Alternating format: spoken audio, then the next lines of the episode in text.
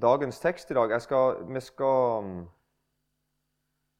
jeg skal ta utgangspunkt i dagens tekst. Jeg skal si noe om dagens tekst, og så skal vi gå litt videre. og Ikke plent gå så veldig djupt bare inn i teksten i dag, men litt mer om Ja, du, du kommer til å få det med etter hvert.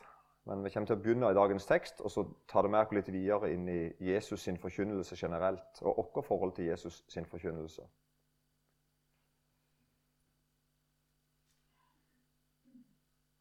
Kjære Jesus, be meg at du må fortsatt være her med Din Hellige Ånd. Takk at du er interessert i oss, og takk at du er levende. Takk at du er allmektig, takk at du kan gjøre under. Amen. Teksten for i dag er henta fra Johannes 2, eh, og de første elleve versene. Det er en ganske kjent fortelling for veldig mange om eh, bryllupet i Kanaan. Og teksten, begynner, eh, teksten, slutter sånn, den eh, dagens tekst og slutter i vers 11, Johannes 2, 11, slutter sånn at dette sitt første tegn gjorde Jesus i Kana Galilea og åpenbarte sin herlighet. Og disiplene hans trodde på ham. Masse viktig informasjon her. For det første så er det hans første tegn. Det er interessant. Og så står det jo at denne fortellingen vi nå skal lese I den fortellingen ble Jesus sin herlighet åpenbart. Men når du leser teksten, så kan du se om hvor du, hvor, hvor du syns du ser det. Men det ble altså Jesus. Jesus sin herlighet ble åpenbart i løpet av det bryllupet i Kanaan. Og disiplene hans sine, antageligvis alle tolv, trodde på ham. For det, dette er bare noen helt få dager etter Jesus er kalt disiplene. Og han ene som er med, som Johannes kaller for Nathanael, som de andre vel kaller for Bartlomeus, langt jeg forstår, han veit såpass lite om Jesus at han, at han kaller Jesus, Jesus, for Josef sin sønn. Og skjønner ikke helt dette her, hvem Jesus egentlig er. Når det er sagt, så bare, kan vi ofte se for, for, oss at disiplene var på en måte folk som ikke kunne noen ting. for de var liksom de var bare fiskere og vanlige folk og liksom visste veldig lite. Og, og de hadde jo vært, de hadde vært teologiprofessorer, hadde de levd blant oss. De kunne, ja, mange av de kunne kanskje hele og iallfall store deler av Det gamle testamentet utenat. Det var en del av deres konfirmasjonsundervisning. Så dette var folk som visste veldig godt hvem Gud var, og som kjente sin egen historie, og som kjente Guds ord, og som kjente profetiene om Jesus, så dette var ikke noen hvem som helst for deg om. Iallfall ikke sammenlignet med oss. Men Johannes' fortelling til te, som jeg skal ta med før vi leser teksten, og det er i slutten av Johannes, i det nest siste kapittelet, i kapittel 20 vers 30, så sier Johannes det. Han nærmest oppsummerer sitt eget evangelie, og så sier han også mange andre tegn gjorde Jesus for disiplenes øyne. Tegn som det ikke er skrevet om i denne boken. Altså, Johannes sier at 'jeg ikke skrev alle tegnene Jesus gjorde'. Da skjedde mye mer. Men han skriver at de tegnene som han allikevel skrev om, men disse, men disse, altså de som Johannes har skrevet om, er skrevet for at dere skal tro at Jesus er Messias, Guds sønn, og for at dere ved troen skal ha liv i hans navn. Så intensjonen til Johannes i den fortellingen vi nå skal lese, det er at du skal se Jesus, at han er Guds sønn Messias, og at du skal få ved, ved, troen skal ha liv i hans navn. Og det går an, altså. Det er det, vi tror på. Bare sånn til, For moro skulle jeg si, så er det sånn at Johannes forteller om sju under i løpet av sine 21 kapitler. Og Det underet vi skal høre om i dag, det var det første underet Jesus gjorde ever. Og så er det da i kapittel 4 så er det, eh, og vers 46 så er det fortellingen om Jesus som helbreder embetsmannens sønn. I kapittel 5 og vers 1 så er det han sjuke ved Betestas dam. Og I kapittel 6 og vers 1 så er det Jesus som heter 5000. Og så I kapittel 6 og vers 16 så er det Jesus går på vannet. Og I kapittel 9 og vers 1 så er det Jesus som helbreder en som er født blind. Og i kapittel 11 vers 38 Jesus vekker opp en mann som har vært død i mange dager. Og Vi ser jo her at de er ganske forskjellige, de underne. Og vi ser at det danner seg Jesus var ikke bare sånn at han, han, veldig, han drev og gikk på vannet, eller han drev og metta folk hele tida. Av, Johannes avdekker mye hos Johannes her, hos Jesus her. ikke sant? Han har makt over livet, han har makt over naturen, han har makt over tida. Så totalt sett så, så mener da Johannes at når du ikke leser mine sju under som jeg tar med, så vil du ikke se nok til å kunne ta, ta stilling til Jesus, hvem han er. Men sånn begynner altså dagen 6, Johannes 2, vers 1. Den tredje dagen var det bryllup i Kanan i Galilea, og Jesu mor var der.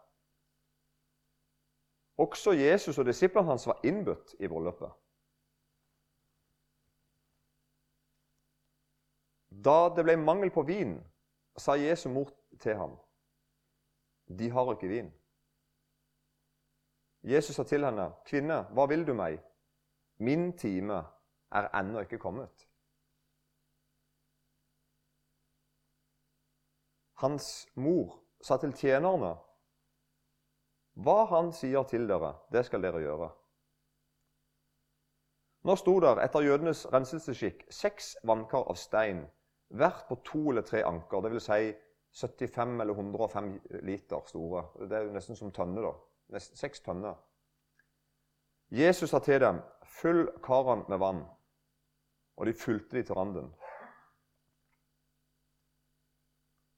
Og så sa han til dem, 'Øs nå opp og bær det til kjøkkenmesteren.' Og de bar det til han. Kjøkkenmesteren smakte på vannet som var blitt vin. Han visste ikke hvor den kom fra, men tjenerne visste det, de som hadde øst opp vannet. Kjøkkenmesteren kalte da på brudgommen og sa til ham.: Hver mann setter først den gode vinen fram, og når de er blitt drukne, da den ringere. Men du har gjemt den gode vinen til nå.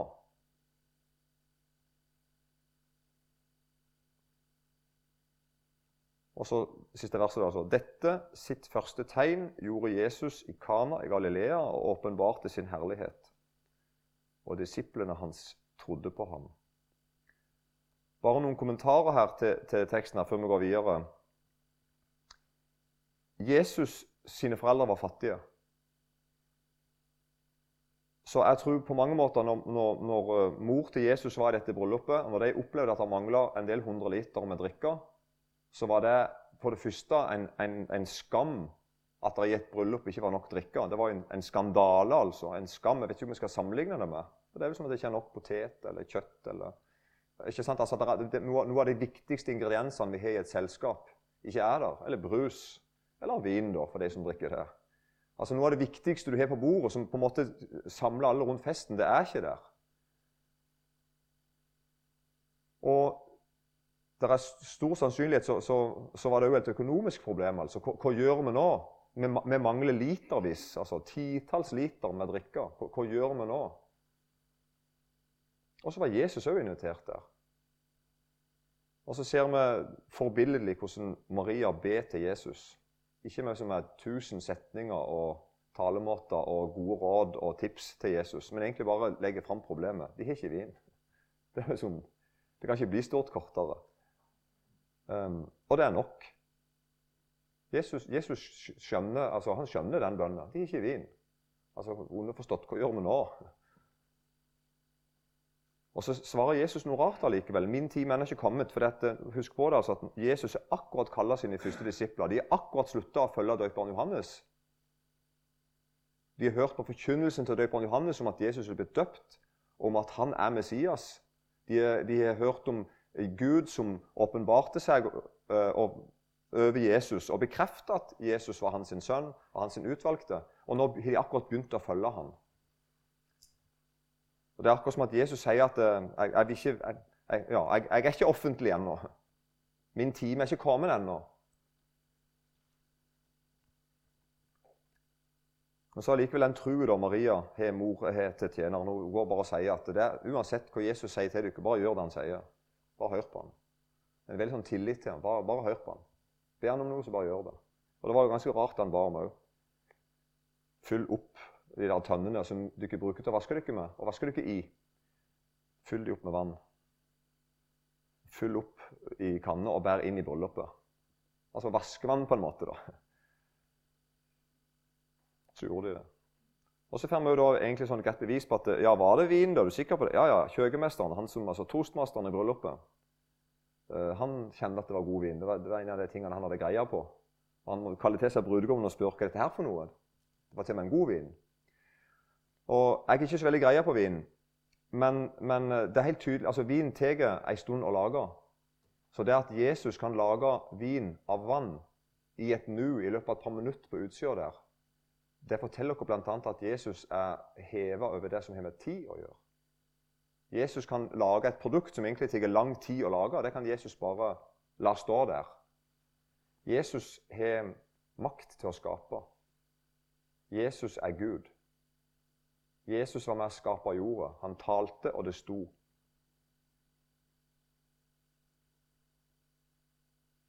Men i det vi nå har snakket om, så er Jesus, har Jesus vist sin herlighet. Noen vil si at så fint at Jesus det første under han gjorde, han i et bryllup. Så fint. Så fin måte, på en måte å, løfte opp nettopp ekteskapet som noe som Gud og Jesus er interessert i, og som, og, og som han bryr seg om. Så fint at Jesus var invitert i bryllupet. Sant? Håper dere òg gjør det når dere gifter dere. Inviterer Jesus der. Så det er mange sånne fine ting å si, men jeg vet ikke helt hvor Jesu herlighet var, hvor de så. Bortsett fra, for min del, altså, bortsett fra jeg, jeg tror jeg hadde tenkt på hvordan går dette an å lage, lage, et produkt som tar lang tid å lage. Som det er prosesser knytta til. Som? Jeg vet ikke hvor lang, hvor lang tid det tar å lage god vin, men det, det, er ikke gjort på en tirsdag, liksom. Og så gjør Jesus det.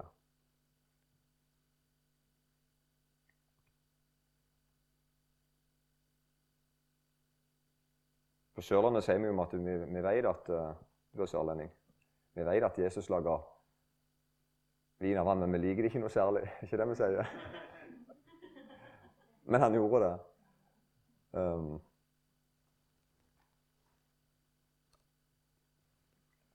Kjære Jesus, vær med meg videre her nå. La oss se mer av din herlighet. Amen.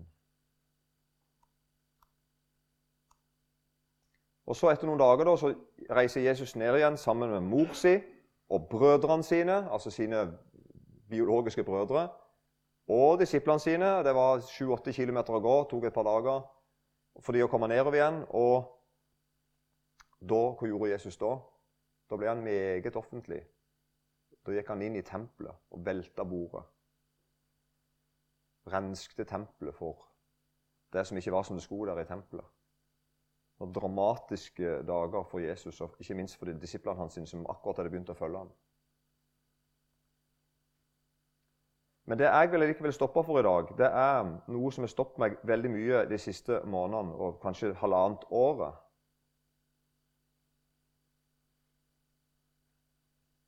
Og det er det at um,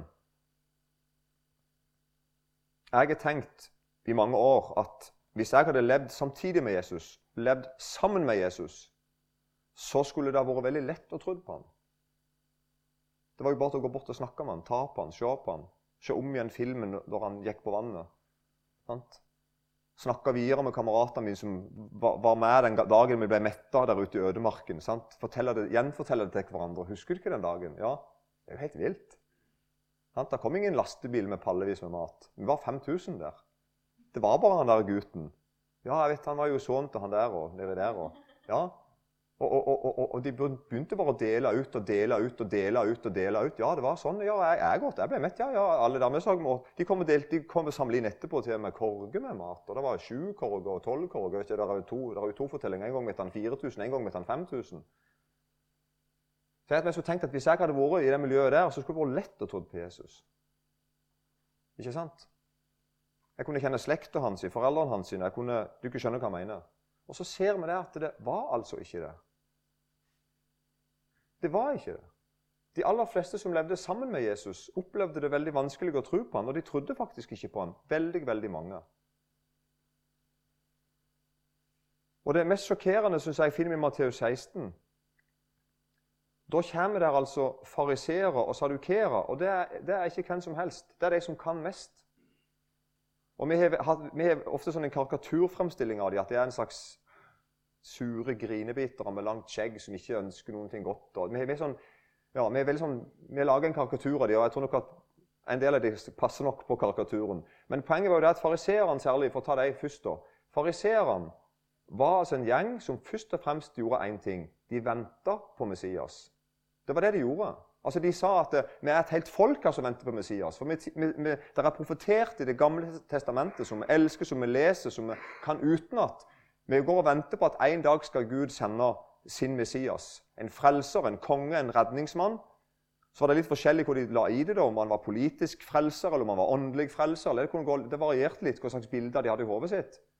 Noen bilder var fra Bibelen, noen bilder var bare fra fantasien deres nærmest. Sånn er det vel for oss òg, slags bilder vi får av hvordan Jesus er. Men poenget er at, det, at, de, at de var, det som holdt fariseerne sammen, var først og fremst ja, først og fremst, det var, det var, det var Guds ord, det var, det var Det gamle testamentet, og det var forventningen om Messias. Og Hvis det var noen som virkelig kunne profetiene om Messias, så var det de. De kunne jo utenat. De snakket med hverandre, de, de, de diskuterte det, de møttes hver dag. Det var dette de holdt på med. Samtidig var det en forventning i folket. Den gikk, gikk litt i bølgedaler. Akkurat når Jesus ble født, så var det en ganske stor forventning. For da var Israel som et land i trøbbel. De var okkupert, de hadde det vanskelig, så da kanskje trong de en frelser på mange måter. Ikke sant? Undertrykkelse og, og sånn. Men i denne her tida her, da, og, og sadukerene det kan jeg mye mindre om, da, men det var, det var på en måte Fariseerne og sadukerene var ekstreme motsetninger. Mens fariseerne ligner veldig på det sånn som oss, som leste Bibelen og trodde at Bibelen var sann, og ville stå på det gamle og var konservative, så sadukererne kanskje i motsatt ende. da. De trodde ikke på mer enn Mosebøkene, og de trodde ikke på legemets oppstandelse. De trodde ikke på at det fantes en djevel. eller Det var mange ting de ikke trodde på. Så En fariseer vil egentlig si at sadukerer de de, på, de, er, er på utsida av det vi ville kalt for kristendom. Er, de, er, de er parkert seg helt på utsida av det. Så fariseerne og sadukerene hadde ingenting til felles. egentlig. Tvert imot. De var egentlig motsetningene.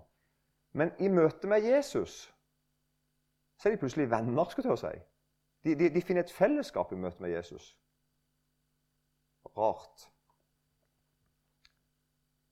Og Det kommer altså i Matteus 16, vers 1. Så kommer fariseerne og sadukerene sammen med ham. Og Det er altså da helt spesielt at de gjør. De går aldri sammen. Men nå kommer de til Jesus, og de kommer for å friste ham. Det, det, forteller Matteus at det er saken. Det hadde ikke vi sett hadde vi stått og sett på. Det hadde vi bare sett en, en gjeng med folk som med peiling hadde kommet og diskutert med Jesus. Det hadde vi sett. Men Matteus sier at glem det. De kom for å friste ham. Og det, De frister med å si da du må vise oss et tegn fra himmelen. Det var akkurat det som det første tegnet Jesus gjorde. Han lagde vin av vann. Og Det Jesus svarer de her folkene, det er ganske spesielt. Jesus svarer og sier til dem at om kvelden, sier dere, det blir godvær for himmelen er rød. Om morgenen i dag blir det uvær for himmelen er rød og mørk.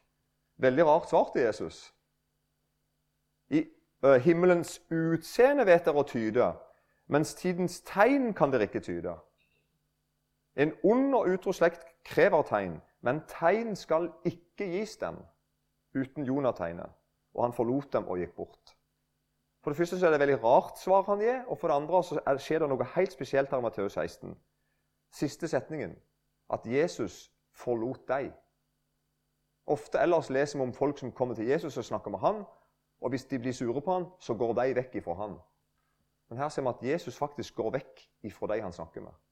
Og Det står liksom sånn Og han forlot dem og gikk bort. Det med så mye måte på. Alvoret i setningen. Hva er det Jesus egentlig svarer de her? De kommer og spør om et tegn. Hvorfor får de ikke et tegn? Det er akkurat som at Jesus sier egentlig, og det håper jeg jeg skal få fram nå i dag Jesus sier til deg at dere veit nok. Dere veit nok. Dere kommer og spør etter et svar som egentlig bare er, et, det er egentlig bare en, en ja, de, Matteus sier selv, det er en fristelse. De vil friste Jesus, de vil få han, på glid. De, vil, ja, de veit nok. De vet mer enn nok. For det første så har de Det gamle testamentet. De har alle profetiene om han. De vet nok om hvem Jesus er. De kan egentlig bare gå og følge med på nå kommer Messias. Passer han med det vi har lest i Det gamle testamentet, eller bryter han med det? Gjør Jesus Kristus de tingene som Messias skal gjøre ifølge Det gamle testamentet? Er du ikke med? Hva så sadukeerne og fariseerne da i møte med Jesus? De så en mann som gjorde alt det som Skriften sa at han skulle gjøre. Så hvis det var noen som visste at hvis det var noen som visste at Jesus var Messias, han som Gud skulle sende, så var det faktisk fariseerne og sadukeerne. Og det visste Jesus om dem. Det var ikke det de ikke visste de hadde problemer med, det var det de visste. Det passet de egentlig ikke at Jesus var Messias. For han var, ikke, han, ble, han var, ikke, helt sånn som de ville. Han hang ikke med dem. Han var ikke i deres hulehånd. Men de så allikevel han gjør de tingene som Messias er profetert om at skal gjøre. Én ting, to ting, tre ting, fire ting, fem ting, seks ting. Det bare dunka inn i livet deres. Jesus er Kristus. Jesus Kristus er Messias. Han er den som Bibelen, som vi tror på, som vi leser, eller skriftene da, profetene og skriftene, taler om skal komme.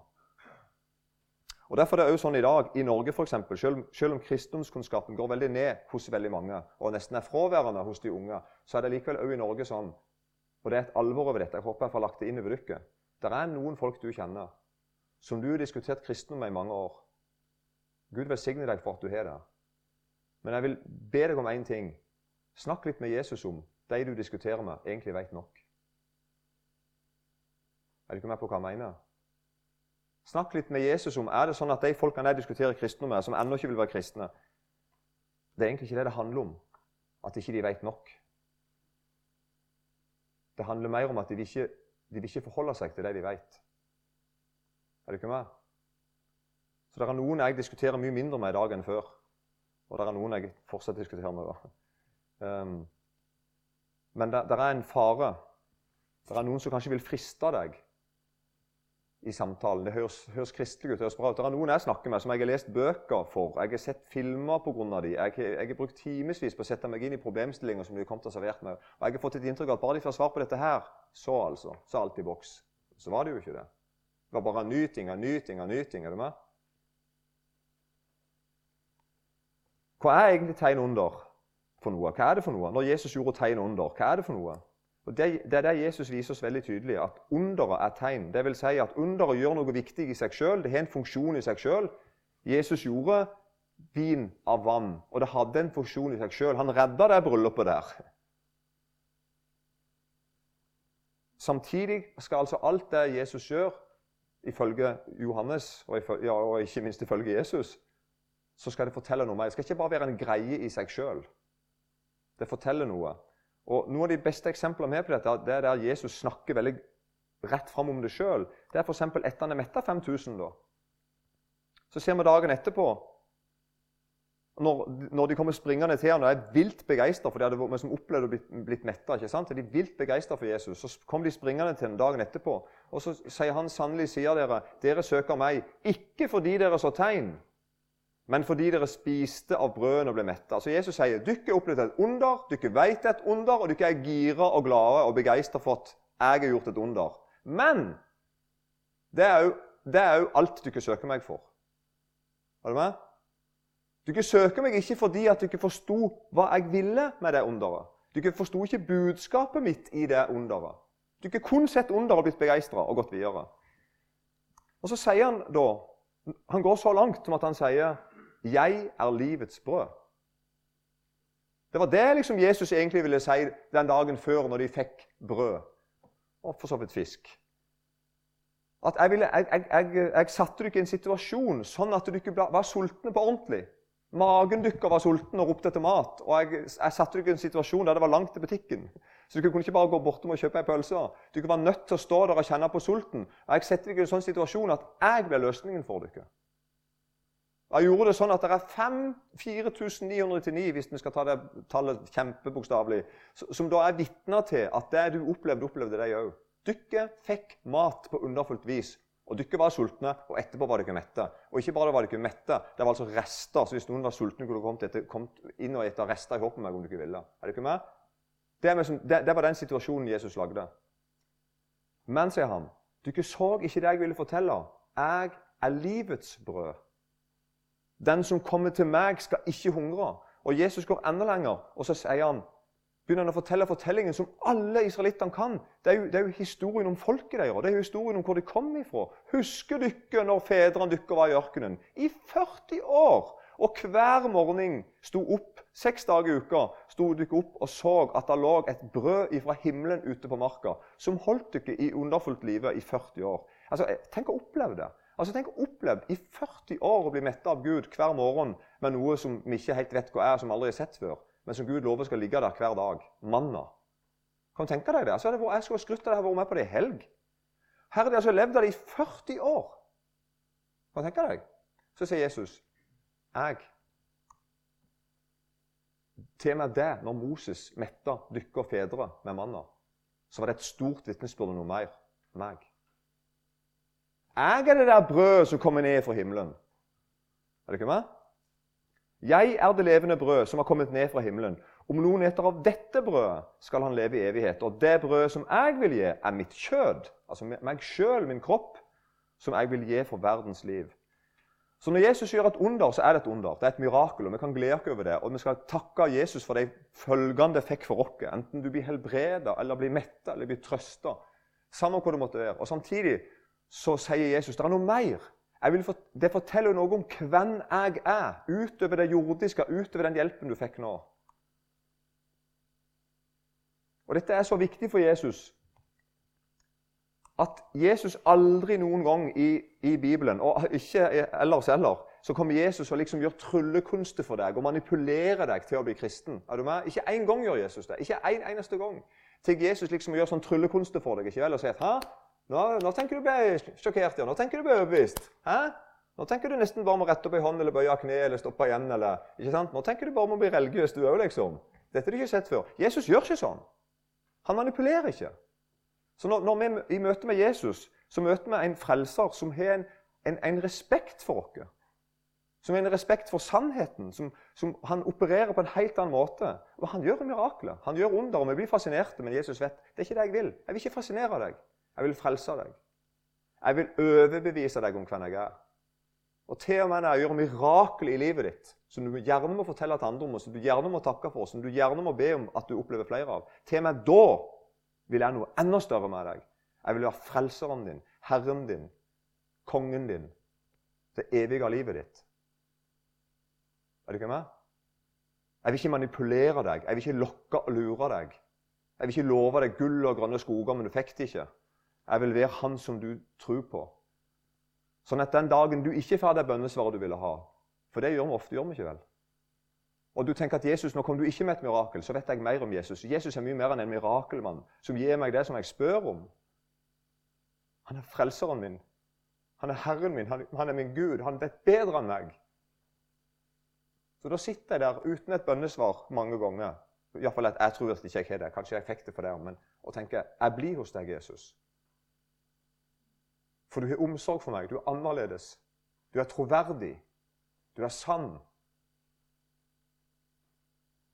Du vil mer enn bare fikse mine problemer akkurat her og nå på måten som jeg tenkte var logisk.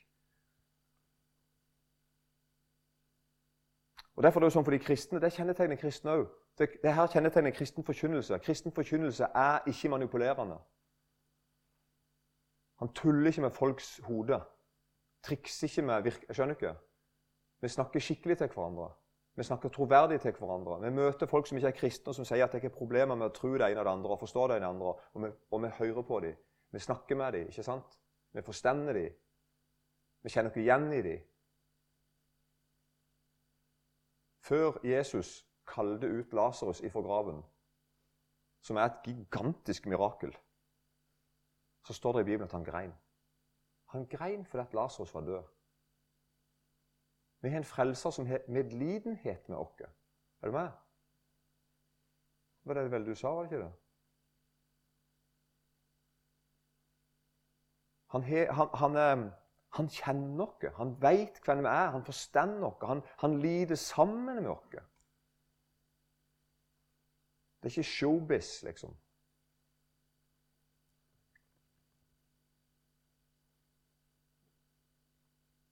Så her i teksten som vi las om da i Matteus 16, og fariseeren og sadukeeren kommer til ham og ber ham vise dem et tegn, så er det faktisk ikke for å være kranglete at han svarer det. Det er veldig viktig for deg også at han svarer det. Han sier egentlig at dere er, er, er, på en vei nå, vekk ifra meg, i all deres åndelige søkning. Jeg kunne, jeg kunne gitt dere tegn etter tegn etter tegn. etter tegn på en måte. Skjønner ikke? Jeg kunne, jeg, jeg kunne bare servert på rekke og rad tegn. Hvis ikke dere kan bøye dere for de tegnene dere allerede har sett, hvis ikke dere kan bøye for de tegnene ikke har lest om, profetiene om meg, så, så kan jeg ikke hjelpe dere. Det svaret Jesus sier, jeg skal, jeg skal ikke gi meg ut på å svare veldig godt på hva det betyr, men for meg ser det litt ut som at han nesten sånn um, Hva ord skal vi bruke det så ikke jeg sier et stygt ord? Altså Han ironiserer det må være lov å si, han ironiserer over dem og sier at dere går med som rundt og med som sjekker værtegnene. Ja, i kveld er himmelen sånn, så da blir det sånn i morgen. Men sånn, men så, der er dere. Dere er liksom sånn, nede på sånne detaljer. Og værtegn er jo høyst uh, ustabile. Altså, Hvis vi bygda mi, så ser vi jo at når det er mye rognebær Vi sier raunebær, men det er det samme. Raunebær. Du ikke har det her? Ja, vi, sier, det at når det er mye raunebær på trærne på høsten, så blir det lite snø på vinteren. sant? Det er bare noe fjas, selvfølgelig. men, men det året det slår til, så kan vi si se. Så ser du. Ja. Um, og noen bygder lenger nede så sier de nei, nei, nei, nei, når det er mye raunebær, da blir det veldig mye snø. Så det, ja. Men jeg, jeg, opplever at det er nesten det Jesus sier her. Altså Du ikke setter dere lit til værtegn som ja, ok, de har et poeng. De kan stemme, men de kan faktisk ikke stemme òg. Men de her svære tegnene ser dere ikke. Det er det han sier. Så det han egentlig sier, er at ikke vet nok. Ikke vet nok om hvem jeg er. Det er ikke det det handler om. Dere mangler ikke kunnskap om hvem jeg er. Blir mer om han sier rett og slett jeg er vantro. Vil dere bøye dere for meg, eller vil dere ikke? Nei, jeg må få noe mer. Få noe litt flere tegn først. Nei. Du får ikke ett eneste tegn mer. Og Det er det som er rart på en måte i teksten.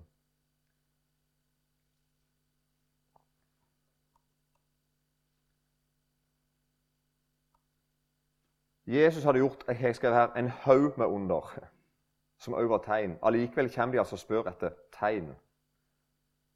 Og Så sier Jesus at de får ikke noen tegn. Men de får ett tegn, sier han.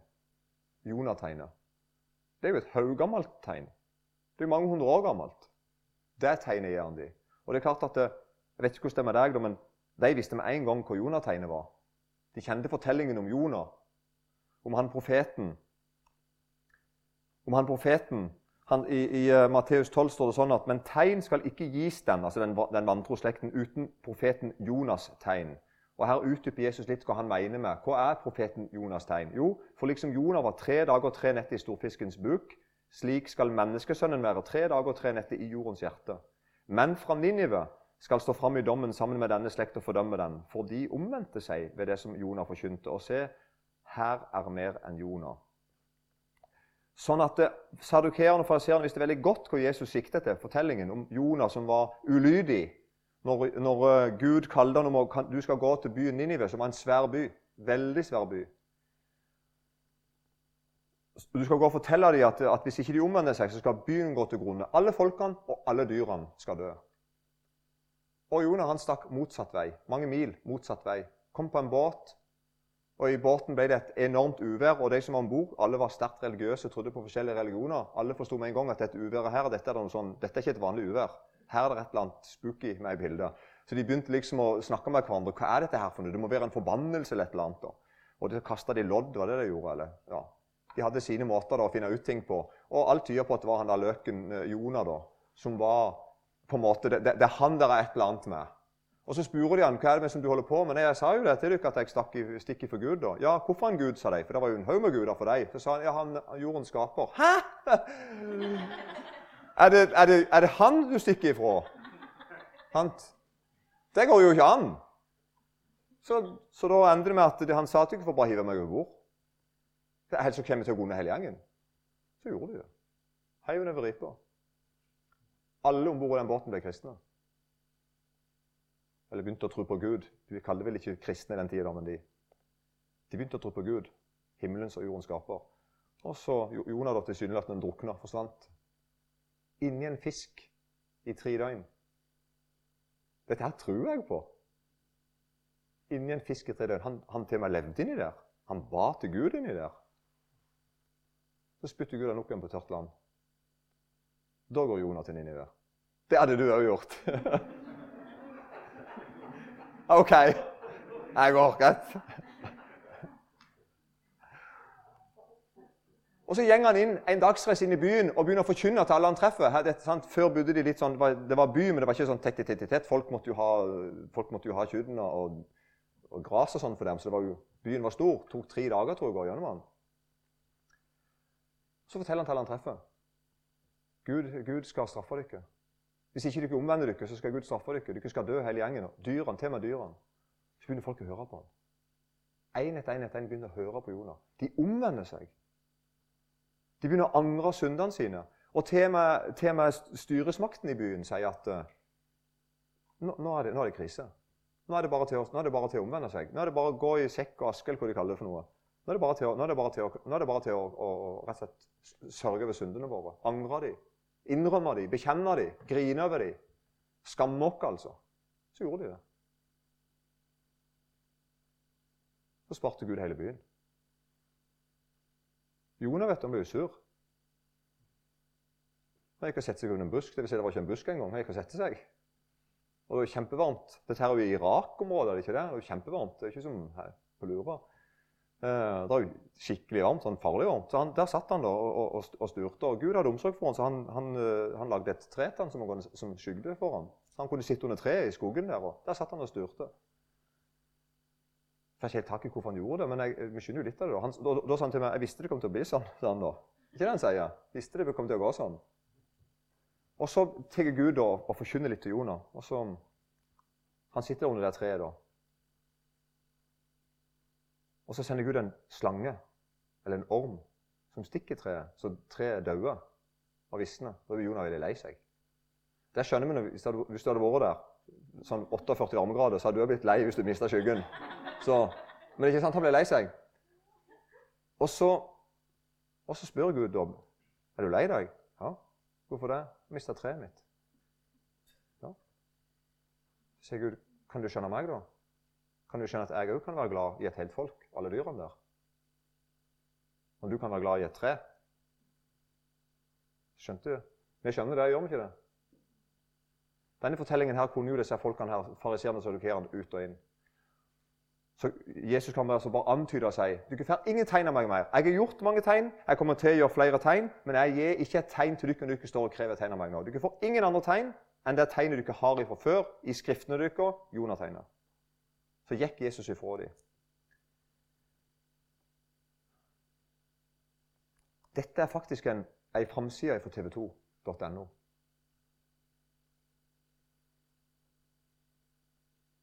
Jesus Kristus har dødd på et kors. Helt på ordentlig. Om ikke TV 2 hadde hatt den nyheten Jeg kunne ikke ha brydd meg mindre. For jeg har en litt sånn større nyhetsformidler her. Men, men altså, det er interessant for dem at nyheter må melde at Jesus Kristus En ting er at han har levd, men òg at han døde på et kors. De vet datoen. Og Kildene de bruker, hvis du blar nedover, er stort sett ei stor, gammel bok, da, samling av bøker. Bibelen. Og en del andre samtidige som kan bekrefte det Bibelen sier. Og det er profetert om at Jesus skal dø hundrevis av år før. Og ett av de profetiene er Jonah-tegnet. Jesus Kristus skal dø, og han skal være død, helt død. Den tre dagen skal han stå opp igjen. Verdens tydeligste tegn. Jesus døde for deg. Det tegnet har du òg. Og hvis det interesserer deg, TV 2 har bekreftet at det er sant. Hvis det interesserer deg. Det bør egentlig ikke det, men det er litt gøy. Men altså, Jesus Kristus er dødd på et kors. Historien bøyer seg for det. Jesus viser til det før sin dømme og sier si 'Jeg gir deg et tegn'. Jonah-tegnet. Jesus vet hva han snart skal gjøre. Han skal lide og dø. Jesus døde for deg. Han sto opp igjen tre dager. Det er ingen vei utenom. Og Det tegnet skal du gi alle du diskuterer med. Kanskje du skal si det. Jeg har ikke så mange tegn igjen å gi til deg. Vi har vært gjennom de fleste av de problemstillingene du har. Men det er én ting som jeg vil si til deg enda en gang. Jesus døde for deg. Så vet vi mer òg, da. Han sto opp for deg. Han lever for deg. Han lever.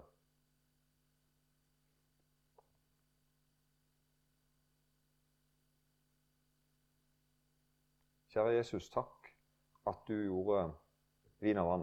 Takk at du brydde deg om bryllupet. Takk at du bryr deg om oss. Takk at du kommer til oss og helbreder oss, støtter oss, styrker oss, hjelper oss. Takk for alle underne som skjer til daglig rundt forbi i verden og også i vårt liv. Takk at vi kan be til deg om alt. Takk at vi kan be sånne korte bønner som Maria ba til deg. Takk at du hører på. Og Jesus, når, vi, når, du ser at vi vikler oss inn i kranglerier og er i ferd med å bli vantro og egentlig ikke vil tro på deg, takk at ikke du gir oss svar da som vi vil ha, sånn som du gjorde med fariseerne og sadukeerne. Takk at du ga deg Jonategnet. Takk at du har gitt meg Jonategnet. Takk at jeg forstår hvem du er. Jeg forstår at du er frelseren min.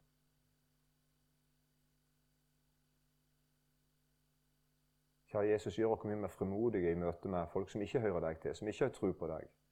Ikke la oss bli lurt og tro at de, de vet så altfor lite alltid. Det er mange i Norge Jesus, det vet du mer enn noe, som vet nok til å bøye seg for deg. Hjelp oss til å være med og forkynne det. Hjelp oss til å være med og se det. Amen.